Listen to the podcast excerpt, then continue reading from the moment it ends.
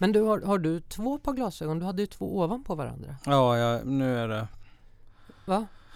Att, att du inte slipar så du bara behöver ha ett par? Är det inte krångligt att hålla Men ordning de på är ett slipade par? men alltså de här... Jag, jag har egentligen ingen synfel mer än läsglasögon. Mm. Men jag är vindögd. På riktigt? Ja, ja. Ta av dem får jag se dem. Ja men det syns då kanske inte här om man tittar upp kanske eller... Jag tror du har inbillat dig det hela ditt liv. Jag ser inte att du är vindögd överhuvudtaget. Nej, men när jag skulle landa i Mora flygplats och ut och flög och det är två landningsbanor och jag vet att det är fan bara en här alltså. Då tittar Då jävlar är jag vindögd, punkt slut alltså.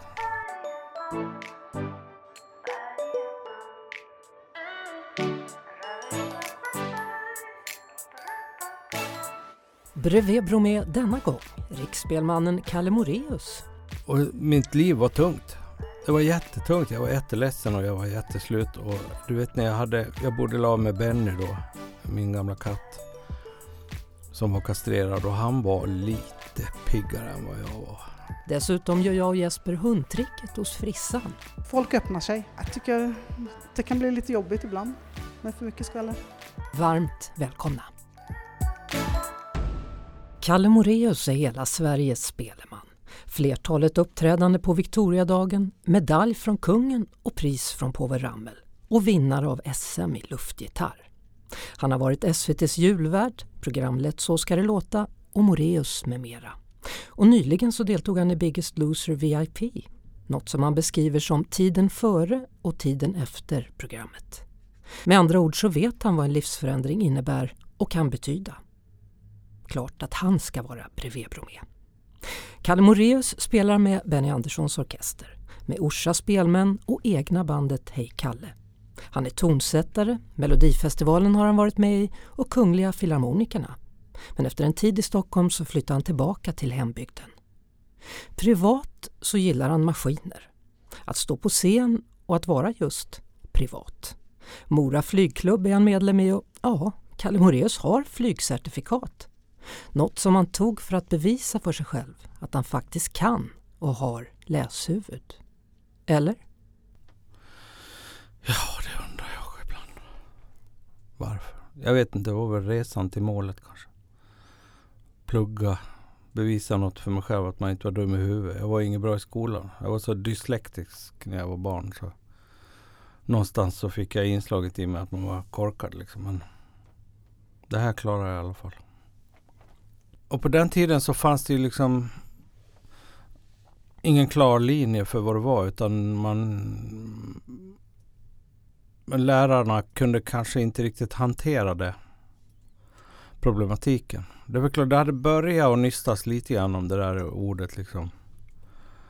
Eh, men inte förrän jag kom upp i min gymnasiala utbildning så, så träffade jag en, eh, en svensk lärarinna som omedelbart såg vad det var för problematik och satte mig på rätt. Jag hade den här formen också som man kan träna bort mycket.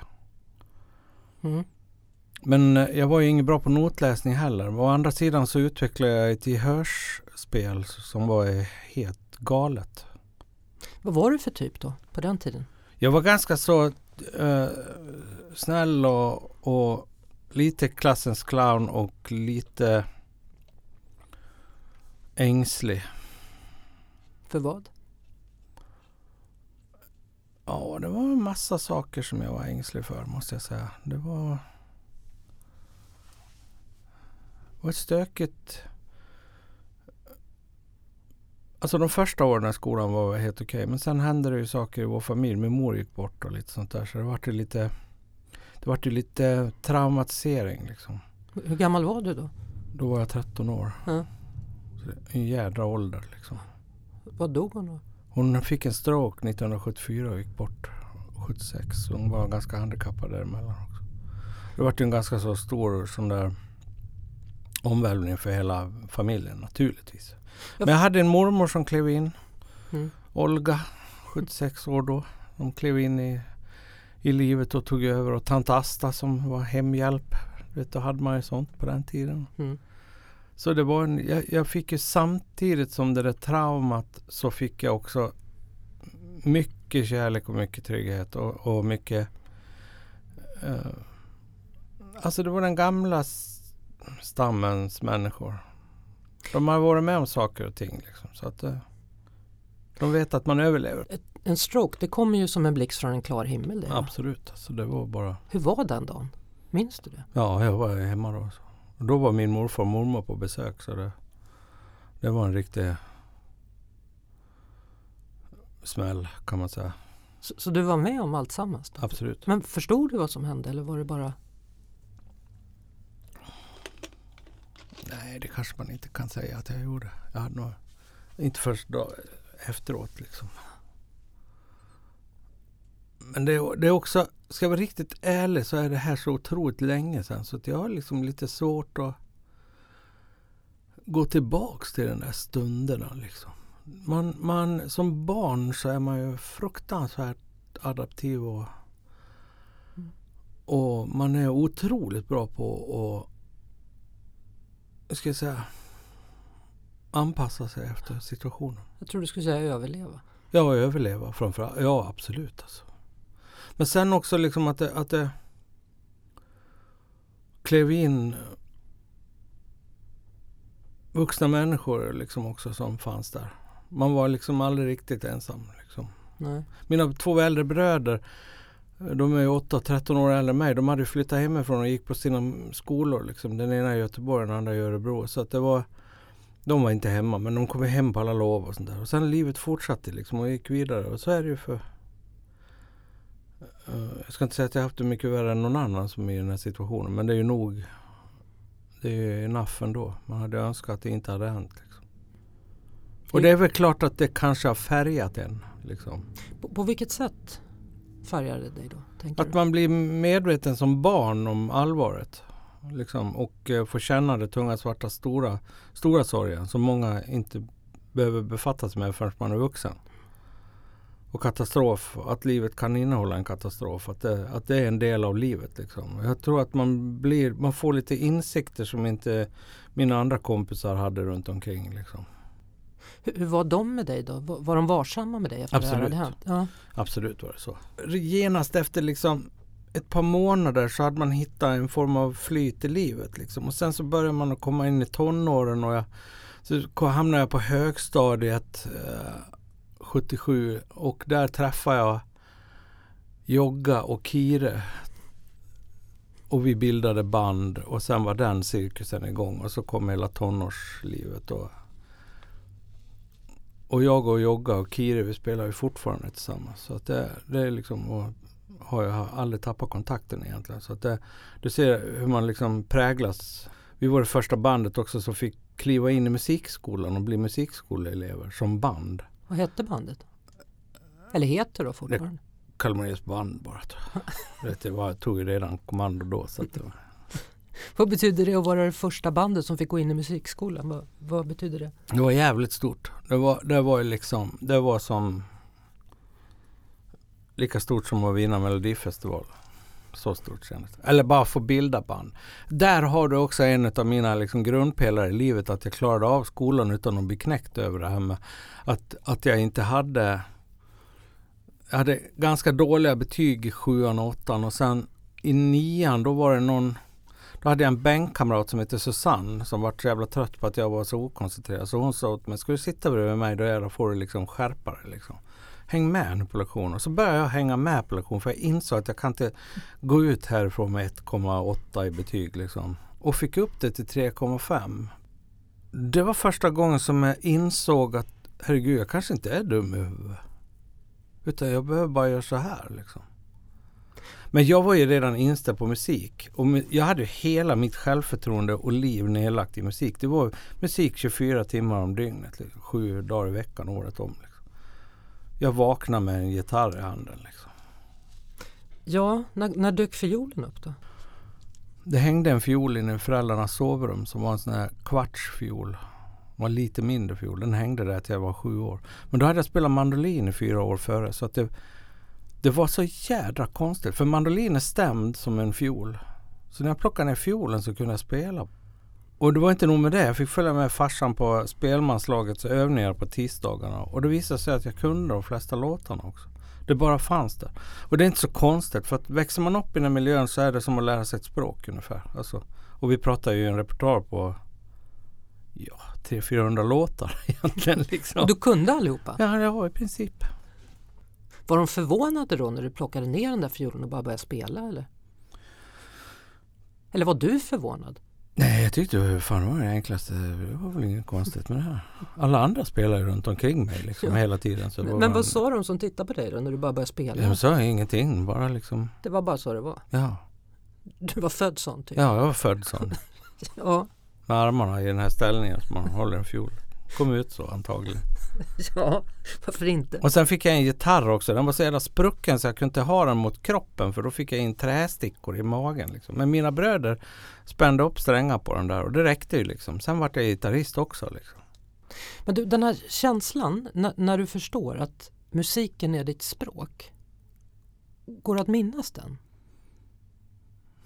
Jag, jag, det finns bilder på mig när jag är barn. Och brorsan har snickrat ihop, han har tagit en badmintonracket och så ett snöre och satt i en trälåda så det är gitarr och förstärkare.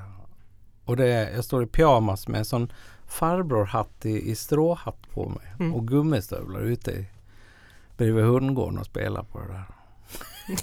Och då är jag kanske tre år liksom, fyra år. Och det, jag ser ju liksom, det ser ju ut som när jag spelar gitarr idag. Det är ju det som är så sjukt liksom. Och står och sjunger någon poplåt liksom. De här Jogga och Kire, var, var är de nu? Jogga han är basist i Dalasymfoniettan och basist i Benny Anderssons orkester. Så ni spelar fortfarande ihop? Ja absolut. Livslångt? Ja det är absolut. Vi studerade dessutom ihop på musikhögskolor och allting sånt där. Så Mm. vi har följt varandra. Ja, Kire han tog en annan väg i livet. Han var egentligen mest musikalisk av oss allihop. Han var ju lite underbarn på att spela trummor. Men han, han var också mattegeni och geni för överhuvudtaget. Så han hamnade på KTH. Sen, nu har vi faktiskt ett bluesband tillsammans jag och Kire. För jag tänkte man måste sparka på lite grann på Kire och komma igång. För att han, han är så jävla bra att spela liksom. Så att, Du behåller verkligen de här människorna som var med från början på Ja, sätt? men det är inte... Hör på det här då. Min farsa gjorde en... Han var en sån här spelmans... Han var ordförande i Spelmansförbundet och var en stor kulturpersonlighet liksom i, i Dalarna och så kartlade folkmusik och höll på sådär. Och, och han gjorde en släktforskning på alla spelmän som har funnits i Dalarna, eller i Orsa. Och du kan ju inte tro något annat än att både jag och Kire och Jogga och den här läraren Puttesnitt, vi är ju alla släkt. det är fasen helt otroligt. Alltså. V- Vem är du mest glad över att du är släkt med då? Min dotter är jag mest glad att jag är släkt med. Johanna spelar fiol också.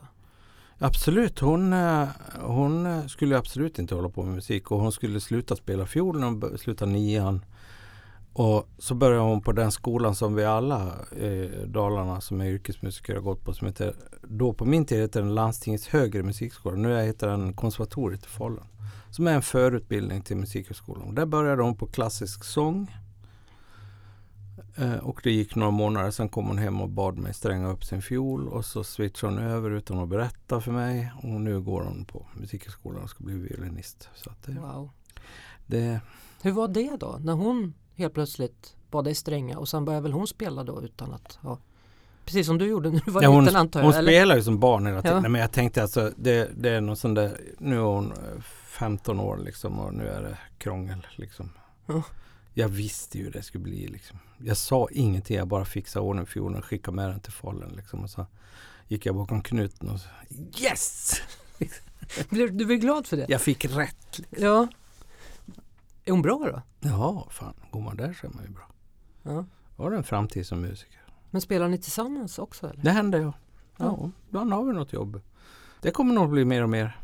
Men vil- vilken är den roligaste konserten? Kan man säga så eller är alla unika? Åh gud, jag, jag försökte göra någon form av överslag hur många gånger jag gått ut på en scen och spelat. Och hur än jag räknar så tror jag att jag hamnar på runt 4000 gånger. Mm. Som jag har stått inför publik. Det är, lite, det är grovt liksom. Det kan vara tre, det kan vara fem. Liksom. Så det, det, min hårddisk är antagligen helt knökfull och bara skickar ut på baksidan liksom minnena för att det, jag kan inte hålla isär. Sen har jag ju några sådana här konserter som jag aldrig kommer att glömma. Jag satt två konserter och kompade Pavarotti tillsammans. Och de repetitionerna och de konserterna det spelade inte jag mycket kan jag säga. Jag var helt såld alltså. Hur var han? Fantastisk. Han var så stor och tjock och du vet det lät lika mycket från ryggen som det lät ifrån truten på han liksom. Och du bara satt där då med Ja, stråken i med hand? gapa och Ja. antagligen dregla lite liksom och var helt försvann in i hans sång alltså. Hade fullt sjå att spela liksom. Jag har varit så tagen av det liksom. Hörande rösten när människan står där. Hur ofta får musik dig att gråta? Nästan aldrig faktiskt. Inte ens av lycka? Nej. Nej, jag, jag, har inte den connection. Inte så liksom. N- när jag spelar, jag spelar piano, så tycker jag att det sköna med det är att musiken behöver inte gå via hjärnan på något sätt. Förstår du vad jag menar då? Det är ungefär samma som när man målar. Man behöver inte hålla på och analysera så förbannat mycket utan det är en känsla som kommer ut. Är det så för dig eller har du någon helt annan uppfattning? Nej, ja, det, nej men alltså nu för tiden så gör jag nästan aldrig någonting nytt när jag går upp på scen. Utan jag reproducerar ju mig själv om och om igen och den repertoar jag har. Vilket gör att jag kan den. Jag kan sakna det här med, man jobbar på Filharmonikerna så var det ny, ny musik varje måndag. Liksom, och repetera till onsdag och så konsert onsdag, Mm. torsdag så ny musik torsdag och konsert lördag. Liksom. Alltså, jag, jag kan ju sakna det där liksom, för då var man ju liksom men då hinner man ju liksom inte heller riktigt njuta av det. Liksom. Och nu när jag går in och spelar liksom så så kan jag det. Jag spelade igår kväll för ett sällskap i Uppland på en herrgård. Liksom. Och det var fruktansvärt roligt. Alltså, alltså det, det blir bara roligare och roligare att spela. Liksom. Även om det är samma låtar? Ja, faktiskt. Hur kan det vara så? Jag vet inte, men det är sammanhanget och vännerna som jag spelar med är så jävla bra och det är liksom Men hur mycket improviserar du då? För att om du har liksom en ram, så här ska den här låten vara. Så tänker jag att det kanske är lättare att improvisera då om man får feeling. Ja, Eller? jo men det, alltså det finns ju, ju, mer, ju bättre du kan ett stycke musik desto mer marginaler får du. Liksom. Mm. När, när du komponerar musik då? Ja. För det händer väl någon gång? Någon gång, ja det är Ja. ja. va- Var, var kommer den ifrån då? Den kommer bara från att man sätter sig ner och bestämmer sig att nu måste jag arbeta med det här. Jag är så jag. Jag är inte den där som går i skogen och drömmer och så kommer någonting till mig. Nej. Eh, upp åtta på morgonen, kaffe, gå ner och slå igång datorn. Liksom, sätta sig och jobba. Vilka priser är du mest stolt för? För du har ju fått en del. Alltså. Ja, jag har fått väldigt mycket. Jag har fått All- kungens medalj i åttonde. Högblått bland i åttonde storleken. Jag har fått eh, Karamell och dikt och jag har fått Knisskalle-stipendiet. var väldigt fint att få. Spelmansstipendiet. Hela väggarna fulla hemma. Men jag kan inte säga vilket som betyder mest. Det är svårt att säga. Men Karamell och var ju fantastiskt. Jag var den sista som fick det i Povels hand också. Och jag, jag hade aldrig träffat Povel Ramel förut och där ingår ju eh, kaffe och sockerkaka innan. I allra största hemlighet i något rum där. Så man fick sitta och prata lite. Så han var ganska fåordig men han var också väldigt intresserad och Mm. hade koll liksom. Och att han, det var första gången som han gav det till en renodlad musiker. För han, han tyckte att den, han såg sig själv som en musiker också. Mm. Liksom, inte bara entertainer och författare och kompositör. Utan han var ju fruktansvärt bra att spela piano. Så att det var, Mm. det var, det var en väldig ära faktiskt. Ska vi ta fem snabba? Ja. Fiol eller elgitarr? Ja, på båda. Folkmusik eller ABBA? Det är ju folkmusik kan man säga i grunden. Det går att spela varje ABBA-låt som en, antingen en polska eller en schottis. Turné eller hemma? Hemma. Näcken eller Linda Lampenius? La- Linda naturligtvis. Varför? Det är för det är en kompis till mig som är oerhört begåvad. Eh, väldigt glad, positiv och inspirerar, inspirerar mig väldigt mycket att spela. Luftgitarr eller luftballong? Luftballong i sådana fall. Hur är det med det? Har du prövat på det också eller?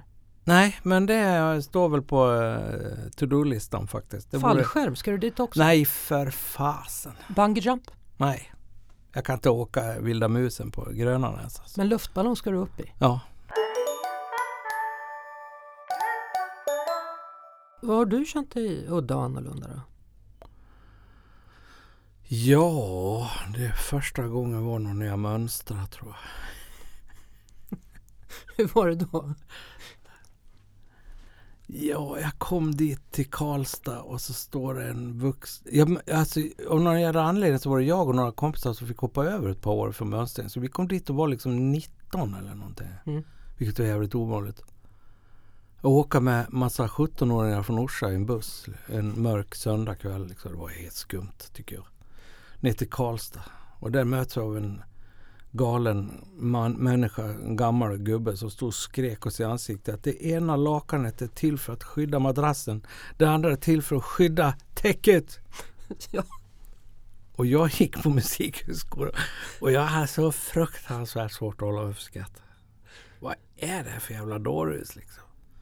Men så har man ju en fysik som var hej kom och hjälp mig. Liksom. Jag är 1,60 lång och jag, och jag hade ju bara en agenda och det var att försöka klara mig undan det där på något jävla vis.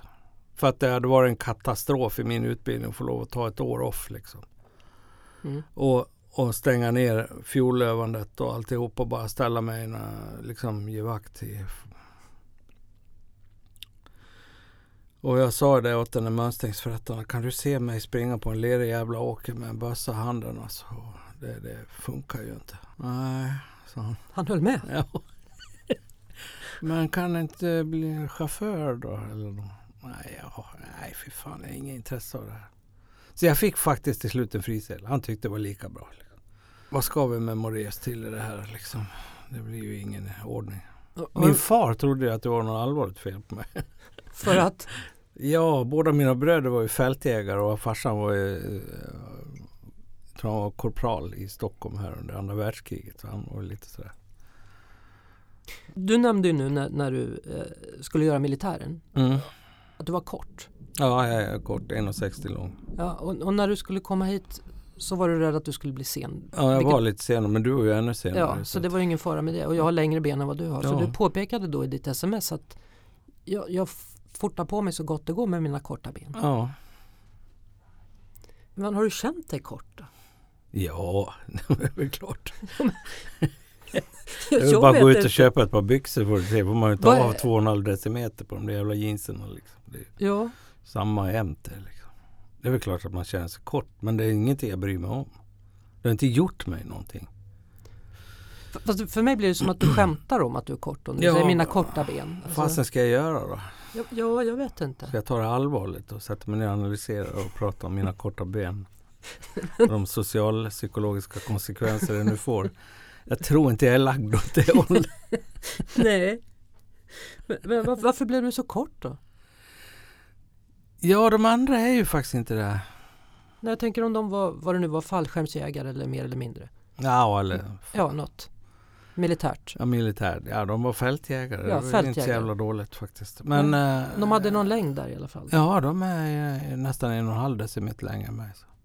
Det konstiga är att mina, jag fick det förklarat hos en barnläkare i Falun när jag började gymnasiet. Då tittade, då fanns det så här kurvor som man hade dragit. Och februari 76 då stannade min växt. Jag växte inte en centimeter efter det. Och det var den dagen morsan dog. Så någonstans hamnade den här sorgen. Alltså. Sen om det är det, det vet jag inte. Men där är, från där är det flatline på växten. Nu ryser jag i hela min kropp, vet du det? Du, kolla, Mm. titta där ska du se. Ja, jag ser. Ser du? Mm. Och datumet sitter ju i huvudet på dig i alla fall, Ja. såklart. Mm. Ja. Så. Men det är ingen annan som ser ut så här. Men men just det här med att, att skoja om sig själv. Ja. Jag vägde ju precis som du då betydligt mer än vad, vad jag och du gör nu. Mm. Och jag har aldrig varit bekväm med att skämta om min vikt. Jag tyckte det varit jättejobbigt. Men jag tänker när du hade Så ska det låta och så, du, du har inte varit rädd att skämta vare sig om vikten eller längden. Har det aldrig gjort ont på dig? För för mig gör det ont. Liksom. Nej, det har aldrig gjort ont. Jag, jag har... Alltså jag tillhör om jag säger det själv så har jag för, för det första ingen bekräftelsebehov för överhuvudtaget. Alltså. Jag behöver inte bekräfta mig en enda sekund. Och, och när saker och ting är obvious liksom, då är det bara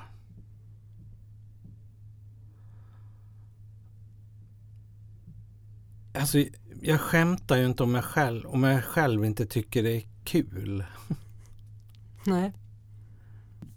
Nej men alltså, det, nej, men alltså jag har aldrig tyckt att det var någon Men alltså nästan enda gången man har varit förbannad på att man inte haft några ben det är när man ska köpa kläder eller köpa bil. Men alltså jag har inga problem med det. Jag skiter i det helt. Liksom. Det rör mig inte. Det är, det är andras koncern. Liksom. Samtidigt så pratar du om Biggest Loser VIP, att det finns ett före och det finns ett efter. Vad är det som händer där när du är med i det tv-programmet? Alltså det är ju en lång väg dit.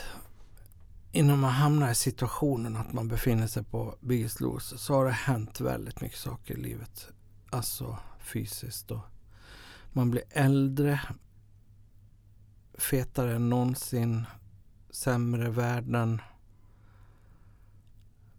konstant småförkyld, inflammatorisk i hela kroppen, min tumme börjar lägga av och artros, eh, knäna är slut, hormonerna i botten, inga vitaminer i kroppen, äter för mycket, ibland dricker lite för mycket.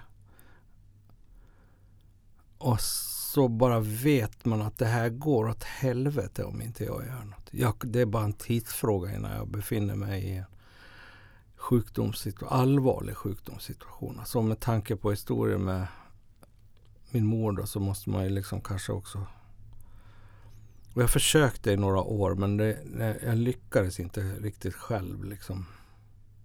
Men så kom det här som en jävla brev på posten, Biggest Loser-samtalet och då tackade jag nej, lite smått, eh, eh, ska man säga? Förnärmad? Förnärmad, ja. Eh, för samtalet och sen pratade jag med mina anhöriga och alla skrek åk för helvete. Liksom. Så jag ringde tillbaka och fick vara med.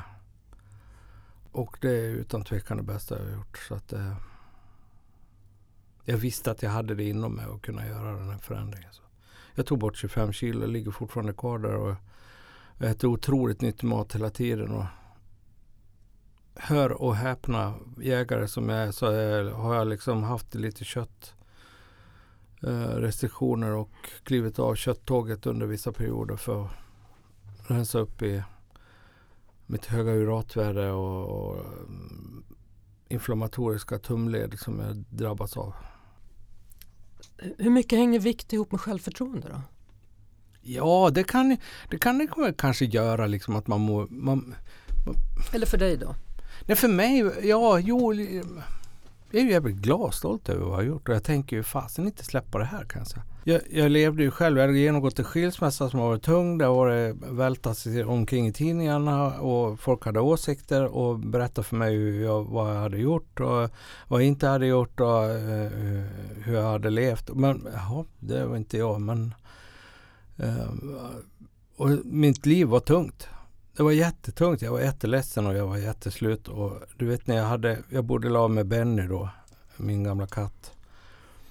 Som var kastrerad och han var lite piggare än vad jag var. Alltså.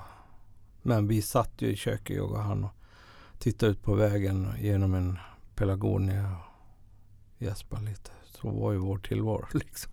Benny? Min katt. Han, han vägde nio kilo. 13 år. Men han var otroligt eh, liksom Han var otroligt sådär precis som jag var. Vi var två äldre grumpy old men liksom, som levde tillsammans i ett hus. Men vad är, vad är det som händer då? Sitter du där med Benny och bara tycker att livet... Ja, jag satt där och det var fruktansvärt grått. Alltså uh, tungt, grått, trött omotiverad, ingen kreativitet. Tyckte allting var tråkigt utom att äta kanske. Som han. Han var väldigt intresserad av att äta. Så Var ni det? åt ihop där Ja, vi åt ihop ja. och tittade ut genom fönstret? Ja, titta där flög det en sparv. Ja, sa Benny. Ja, så du. Där går det en singelkvinna. Ja, sa Benny. Ja, så du. Ja. Det var, ingen var tänd på någonting liksom. När vänder det då? Det vänder alltså där på slottet. Alltihopa menar du? Ja, där vände det. Och där hade det, det, jag såg det som min sista chans. Dessutom så var ju vi ett team där. Med Alexandra Sassi, Erik och alla de andra som var med där. Och Pekka. Och vi vart ju ett team. När vi egentligen skulle fightas mot varann så vart det tvärtom. Liksom. Men du är mycket som jag tänker på det. Du, du har ju pratat om de här Jogga och Kirre och, och Ja. gruppen människor. Framförallt med band Hej Kalle som jag har jobbat med nu i 23-24 Ja, år. Så att, Men det är lite samma sak där och det är då det funkar på slottet där, för att ni blir en grupp. Ja, alltså med, med otroligt intressant. Erik är ju väldigt påläst. Alltså. Han drog mig till en högre kunskapsnivå om Mm. det här med kolhydrater och ketos eh, Mm. lev, liv. Liksom. Så att det, det vart ju en väldig fjäder i hatten för mig som jag fortsatte direkt när jag kom hem bara. Jag klev aldrig av, jag har aldrig klivit ur det heller. Men, men om, om du sitter med Benny där i köket och det är jäkligt grått. Mm. Då hade det ändå gått ganska många år sedan skilsmässan och det, eller? Ja. Men det var ju mera, nu var det ju min, nu kommer det här gråa inifrån på något vis. Och det är nu en, kanske en massa års lång nedbrytning också. Ja. Det tar ju några år att ta sig dit. Det är ingenting man gör på en kvart liksom. Utan det här, man skulle ha varit lite mer observant tidigare liksom. Men jag, varje vår, första januari, så har jag börjat ett nytt liv som många andra har gjort. Och så har jag faktiskt tagit ner, tagit ner mig till ganska bra vikter liksom. Så där 104 kilo från 111 kanske liksom Mm. eller någonting. Men, men är det? Men, men nu är jag ju nere på, nu är jag nere på någonting helt, det här är ju någonting helt annat. Det här är ju ett livsbeslut jag har tagit. Men, men ändå, är, är, är, vikten, är det liksom en mätare på hur du har mått psykiskt menar du då? Nej, men den har gått parallellt med hur man, hur man mådde. Mm. Alltså allting hänger ihop. Allting hänger ihop. Det är en, en kropp. Liksom. Så, så var hittar du vändningen då där hemma när du sitter där med Benny? Och det bara är grått? Och singelkvinnan går förbi utanför fönstret och ni säger ja det är ikon. Ja.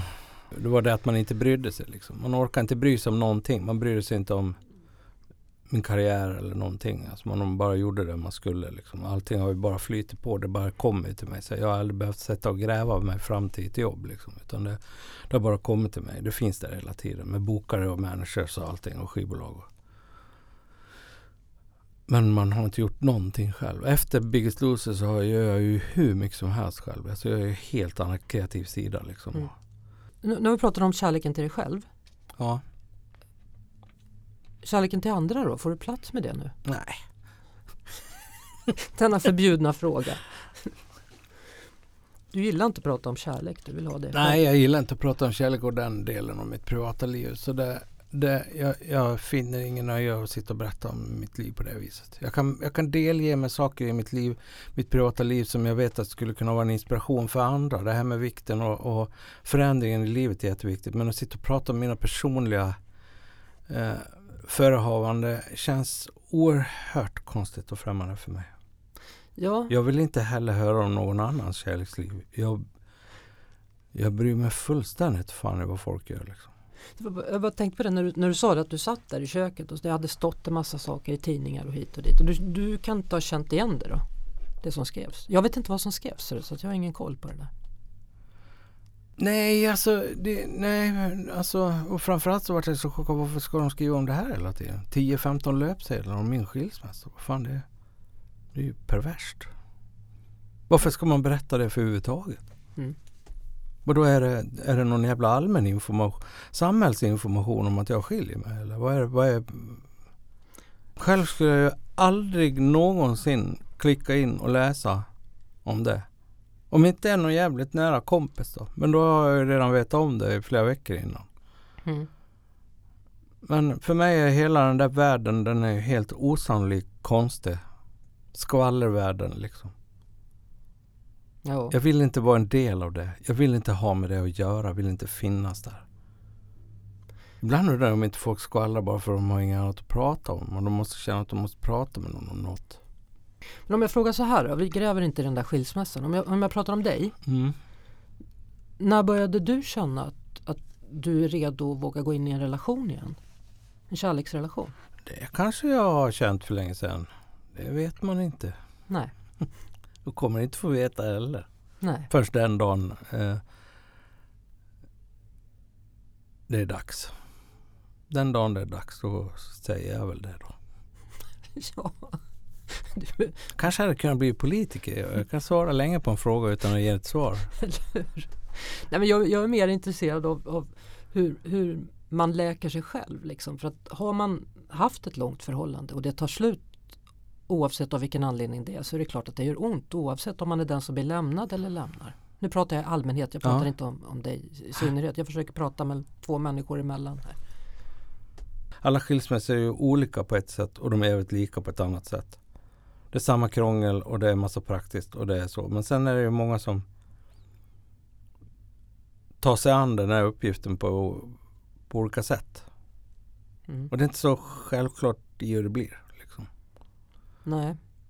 Och sen är det väl nog jobbigt då utan att man ska behöva läsa om det på löpsedeln kan jag tänka. Men det är ju helt skruvat. Mm. Varför, varför ja, det var en chock. Alltså det blev man lite chockad då. Jag tyckte det var det konstigaste jag varit med om faktiskt. Berätta, hur, hur menar du nu? Att, Nej men att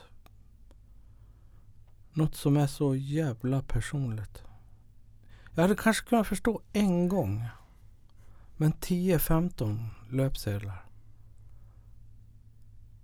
Det handlar ju naturligtvis om att de säljer tidningar.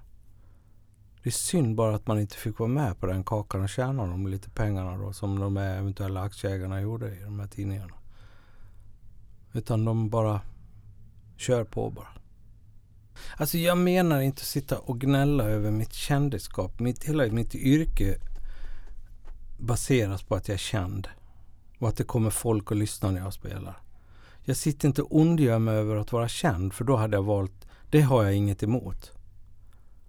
Jag vill sära på det liksom och vara väldigt noga med att säga det att jag, och jag ställer upp och, på intervjuer men jag vill prata om det jag gör i mitt liv. Liksom. Det som är mitt yrke och det som är intressant för mig. Liksom. Så därför ställer jag aldrig upp på en enda fråga från tidningarna angående min privata liv. Liksom. Och det är någonting som, jag drar ett streck där. Väldigt tydligt streck. Liksom. mm. Jag filmar aldrig mitt eget hem. Jag, jag, jag eh, hade ett väldigt intressant samtal med en sån här influencer och youtubare. Han visste ju inte vem jag var. Liksom. Men efter ett tag när vi hade varit på den här platsen då och umgåtts så började han att att fatta vem jag var och hur jag var och kanske då i hans ögon hur stor jag var. Liksom. Och det var väl folk som berättade för honom. Så det slutade med att jag och han satt och pratade. Och som de här människorna som lever med att lägga ut sitt liv tre, fyra gånger om dagen, vända ut och in och berätta allting för dem. Så sa jag det. Han, han frågade mig, vad har du för råd att ge mig? Ja, jag sa ju det. Du måste skaffa dig en plats där ingen har med att göra. Du kan liksom inte ligga hemma i sängen och filma. Du kommer inte orka det. Liksom. Du kommer bli knäpp i huvudet en dag. Liksom. Och han sa, herregud, jag har redan börjat känna så, sa han. Och har börjat undra varför jag mår på ett speciellt sätt. Liksom. Ja, men det är ju den här, du måste ju ha en, skaffa en jävla stuga ute i skärgården eller uppe i skogen i norra Jämtland eller något. Och åk dit och bara var där och filma all det där. Liksom. Släpp inte dit någon. Liksom. Du måste ha en, för att man måste ha den här tank, man måste kunna återvända i sin tanke när man är mitt i till det här stället där, i, där det är bara jag. Liksom, och där jag har bestämt vilka som får vara. Liksom. Det räcker med att tänka den tanken så mår man mycket bättre. Ja, faktiskt. Ja. Kalle Moraeus, stort tack för att du ville vara en stund bredvid Bromé. Tack ska du ha.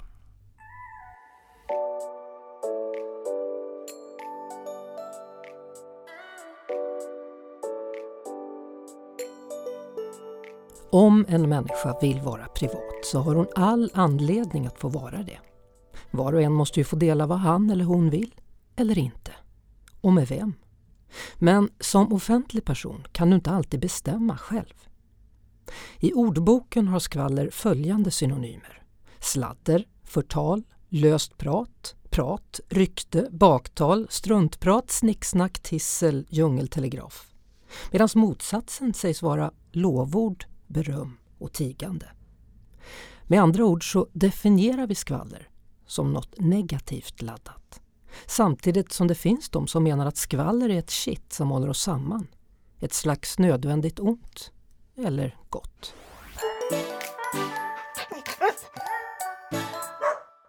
Så, som frisör, hur mycket hemligheter får du höra? Massor.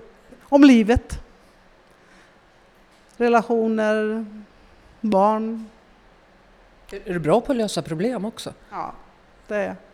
Hur många års erfarenhet har du? 45. Men hur mycket är det då? Alltså, för man tänker att, att det är en frisörsalong, där pratas det väldigt mycket. Mm. Folk, folk öppnar sig. Mycket med beröring, med kroppskontakt och sådär. Så du får ta emot liksom hemligheter. Det har hänt. Ja. Hur känns det då? Är det ansvarsfullt? ja. Det gäller att inte snacka vidare. För när jag kom in här nu så tänkte jag att där ligger Vagabond, så tänkte jag där kanske är en, en frisersalong helt utan skvallertidningar. Men sen ser jag att Grönköpings veckoblad ligger under. Det är väl en skvallertidning? Det, vi har en kund som ut, eh, ansvarig utgivare för den. Mm. Din kund här borta, hon sitter och läser nu. Nu är det damtidningen och förut var det Hänt. Förut var det hänt, ja. Men de flesta idag sitter med telefonen. Jaså? Ja. Kolla mejl. Eh, ja. Så det är inte lika intressant med skvallertidningarna längre. Fast ni har dem ändå ifall någon är sugen. Ja, oh ja. Skvallrar du? Nej, inte mycket. Orkar inte. Ja, nog ändå. Ja. Nej, jag är inte, egentligen inte så mycket för skvaller. Jag tycker det kan bli lite jobbigt ibland med för mycket skvaller. I ditt jobb eller privat? Jobbmässigt. Jag hade ju en, en lilla syster som utbildade sig till frisör. Och hon höll på tror jag i två år, sen kände hon att det här var inte för mig för hon orkar inte höra mer. Alltså. Nej, Men du har stått ut i 45 år. du förstår vad jag har hört mycket. Ja. Ja. Att du inte skriver någon bok eller något? Kanske jag ska göra på ålderns höst. Är det så? Ja, man vet aldrig.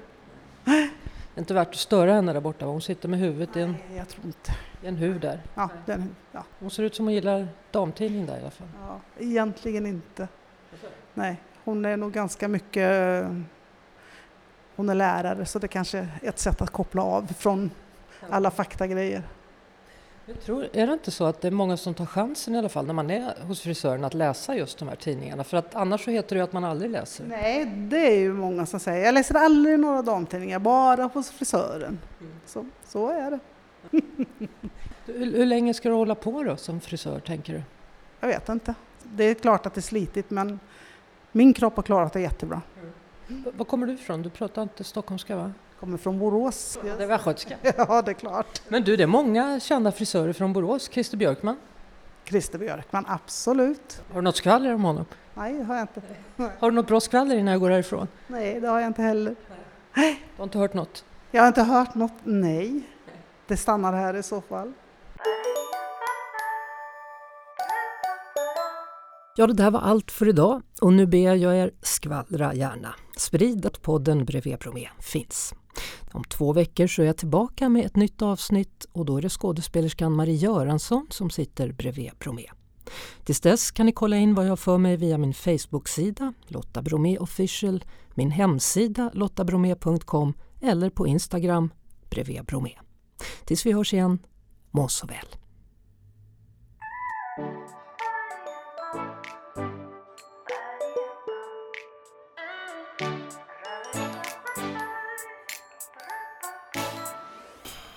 Kommer inte ihåg när jag åt godis sist.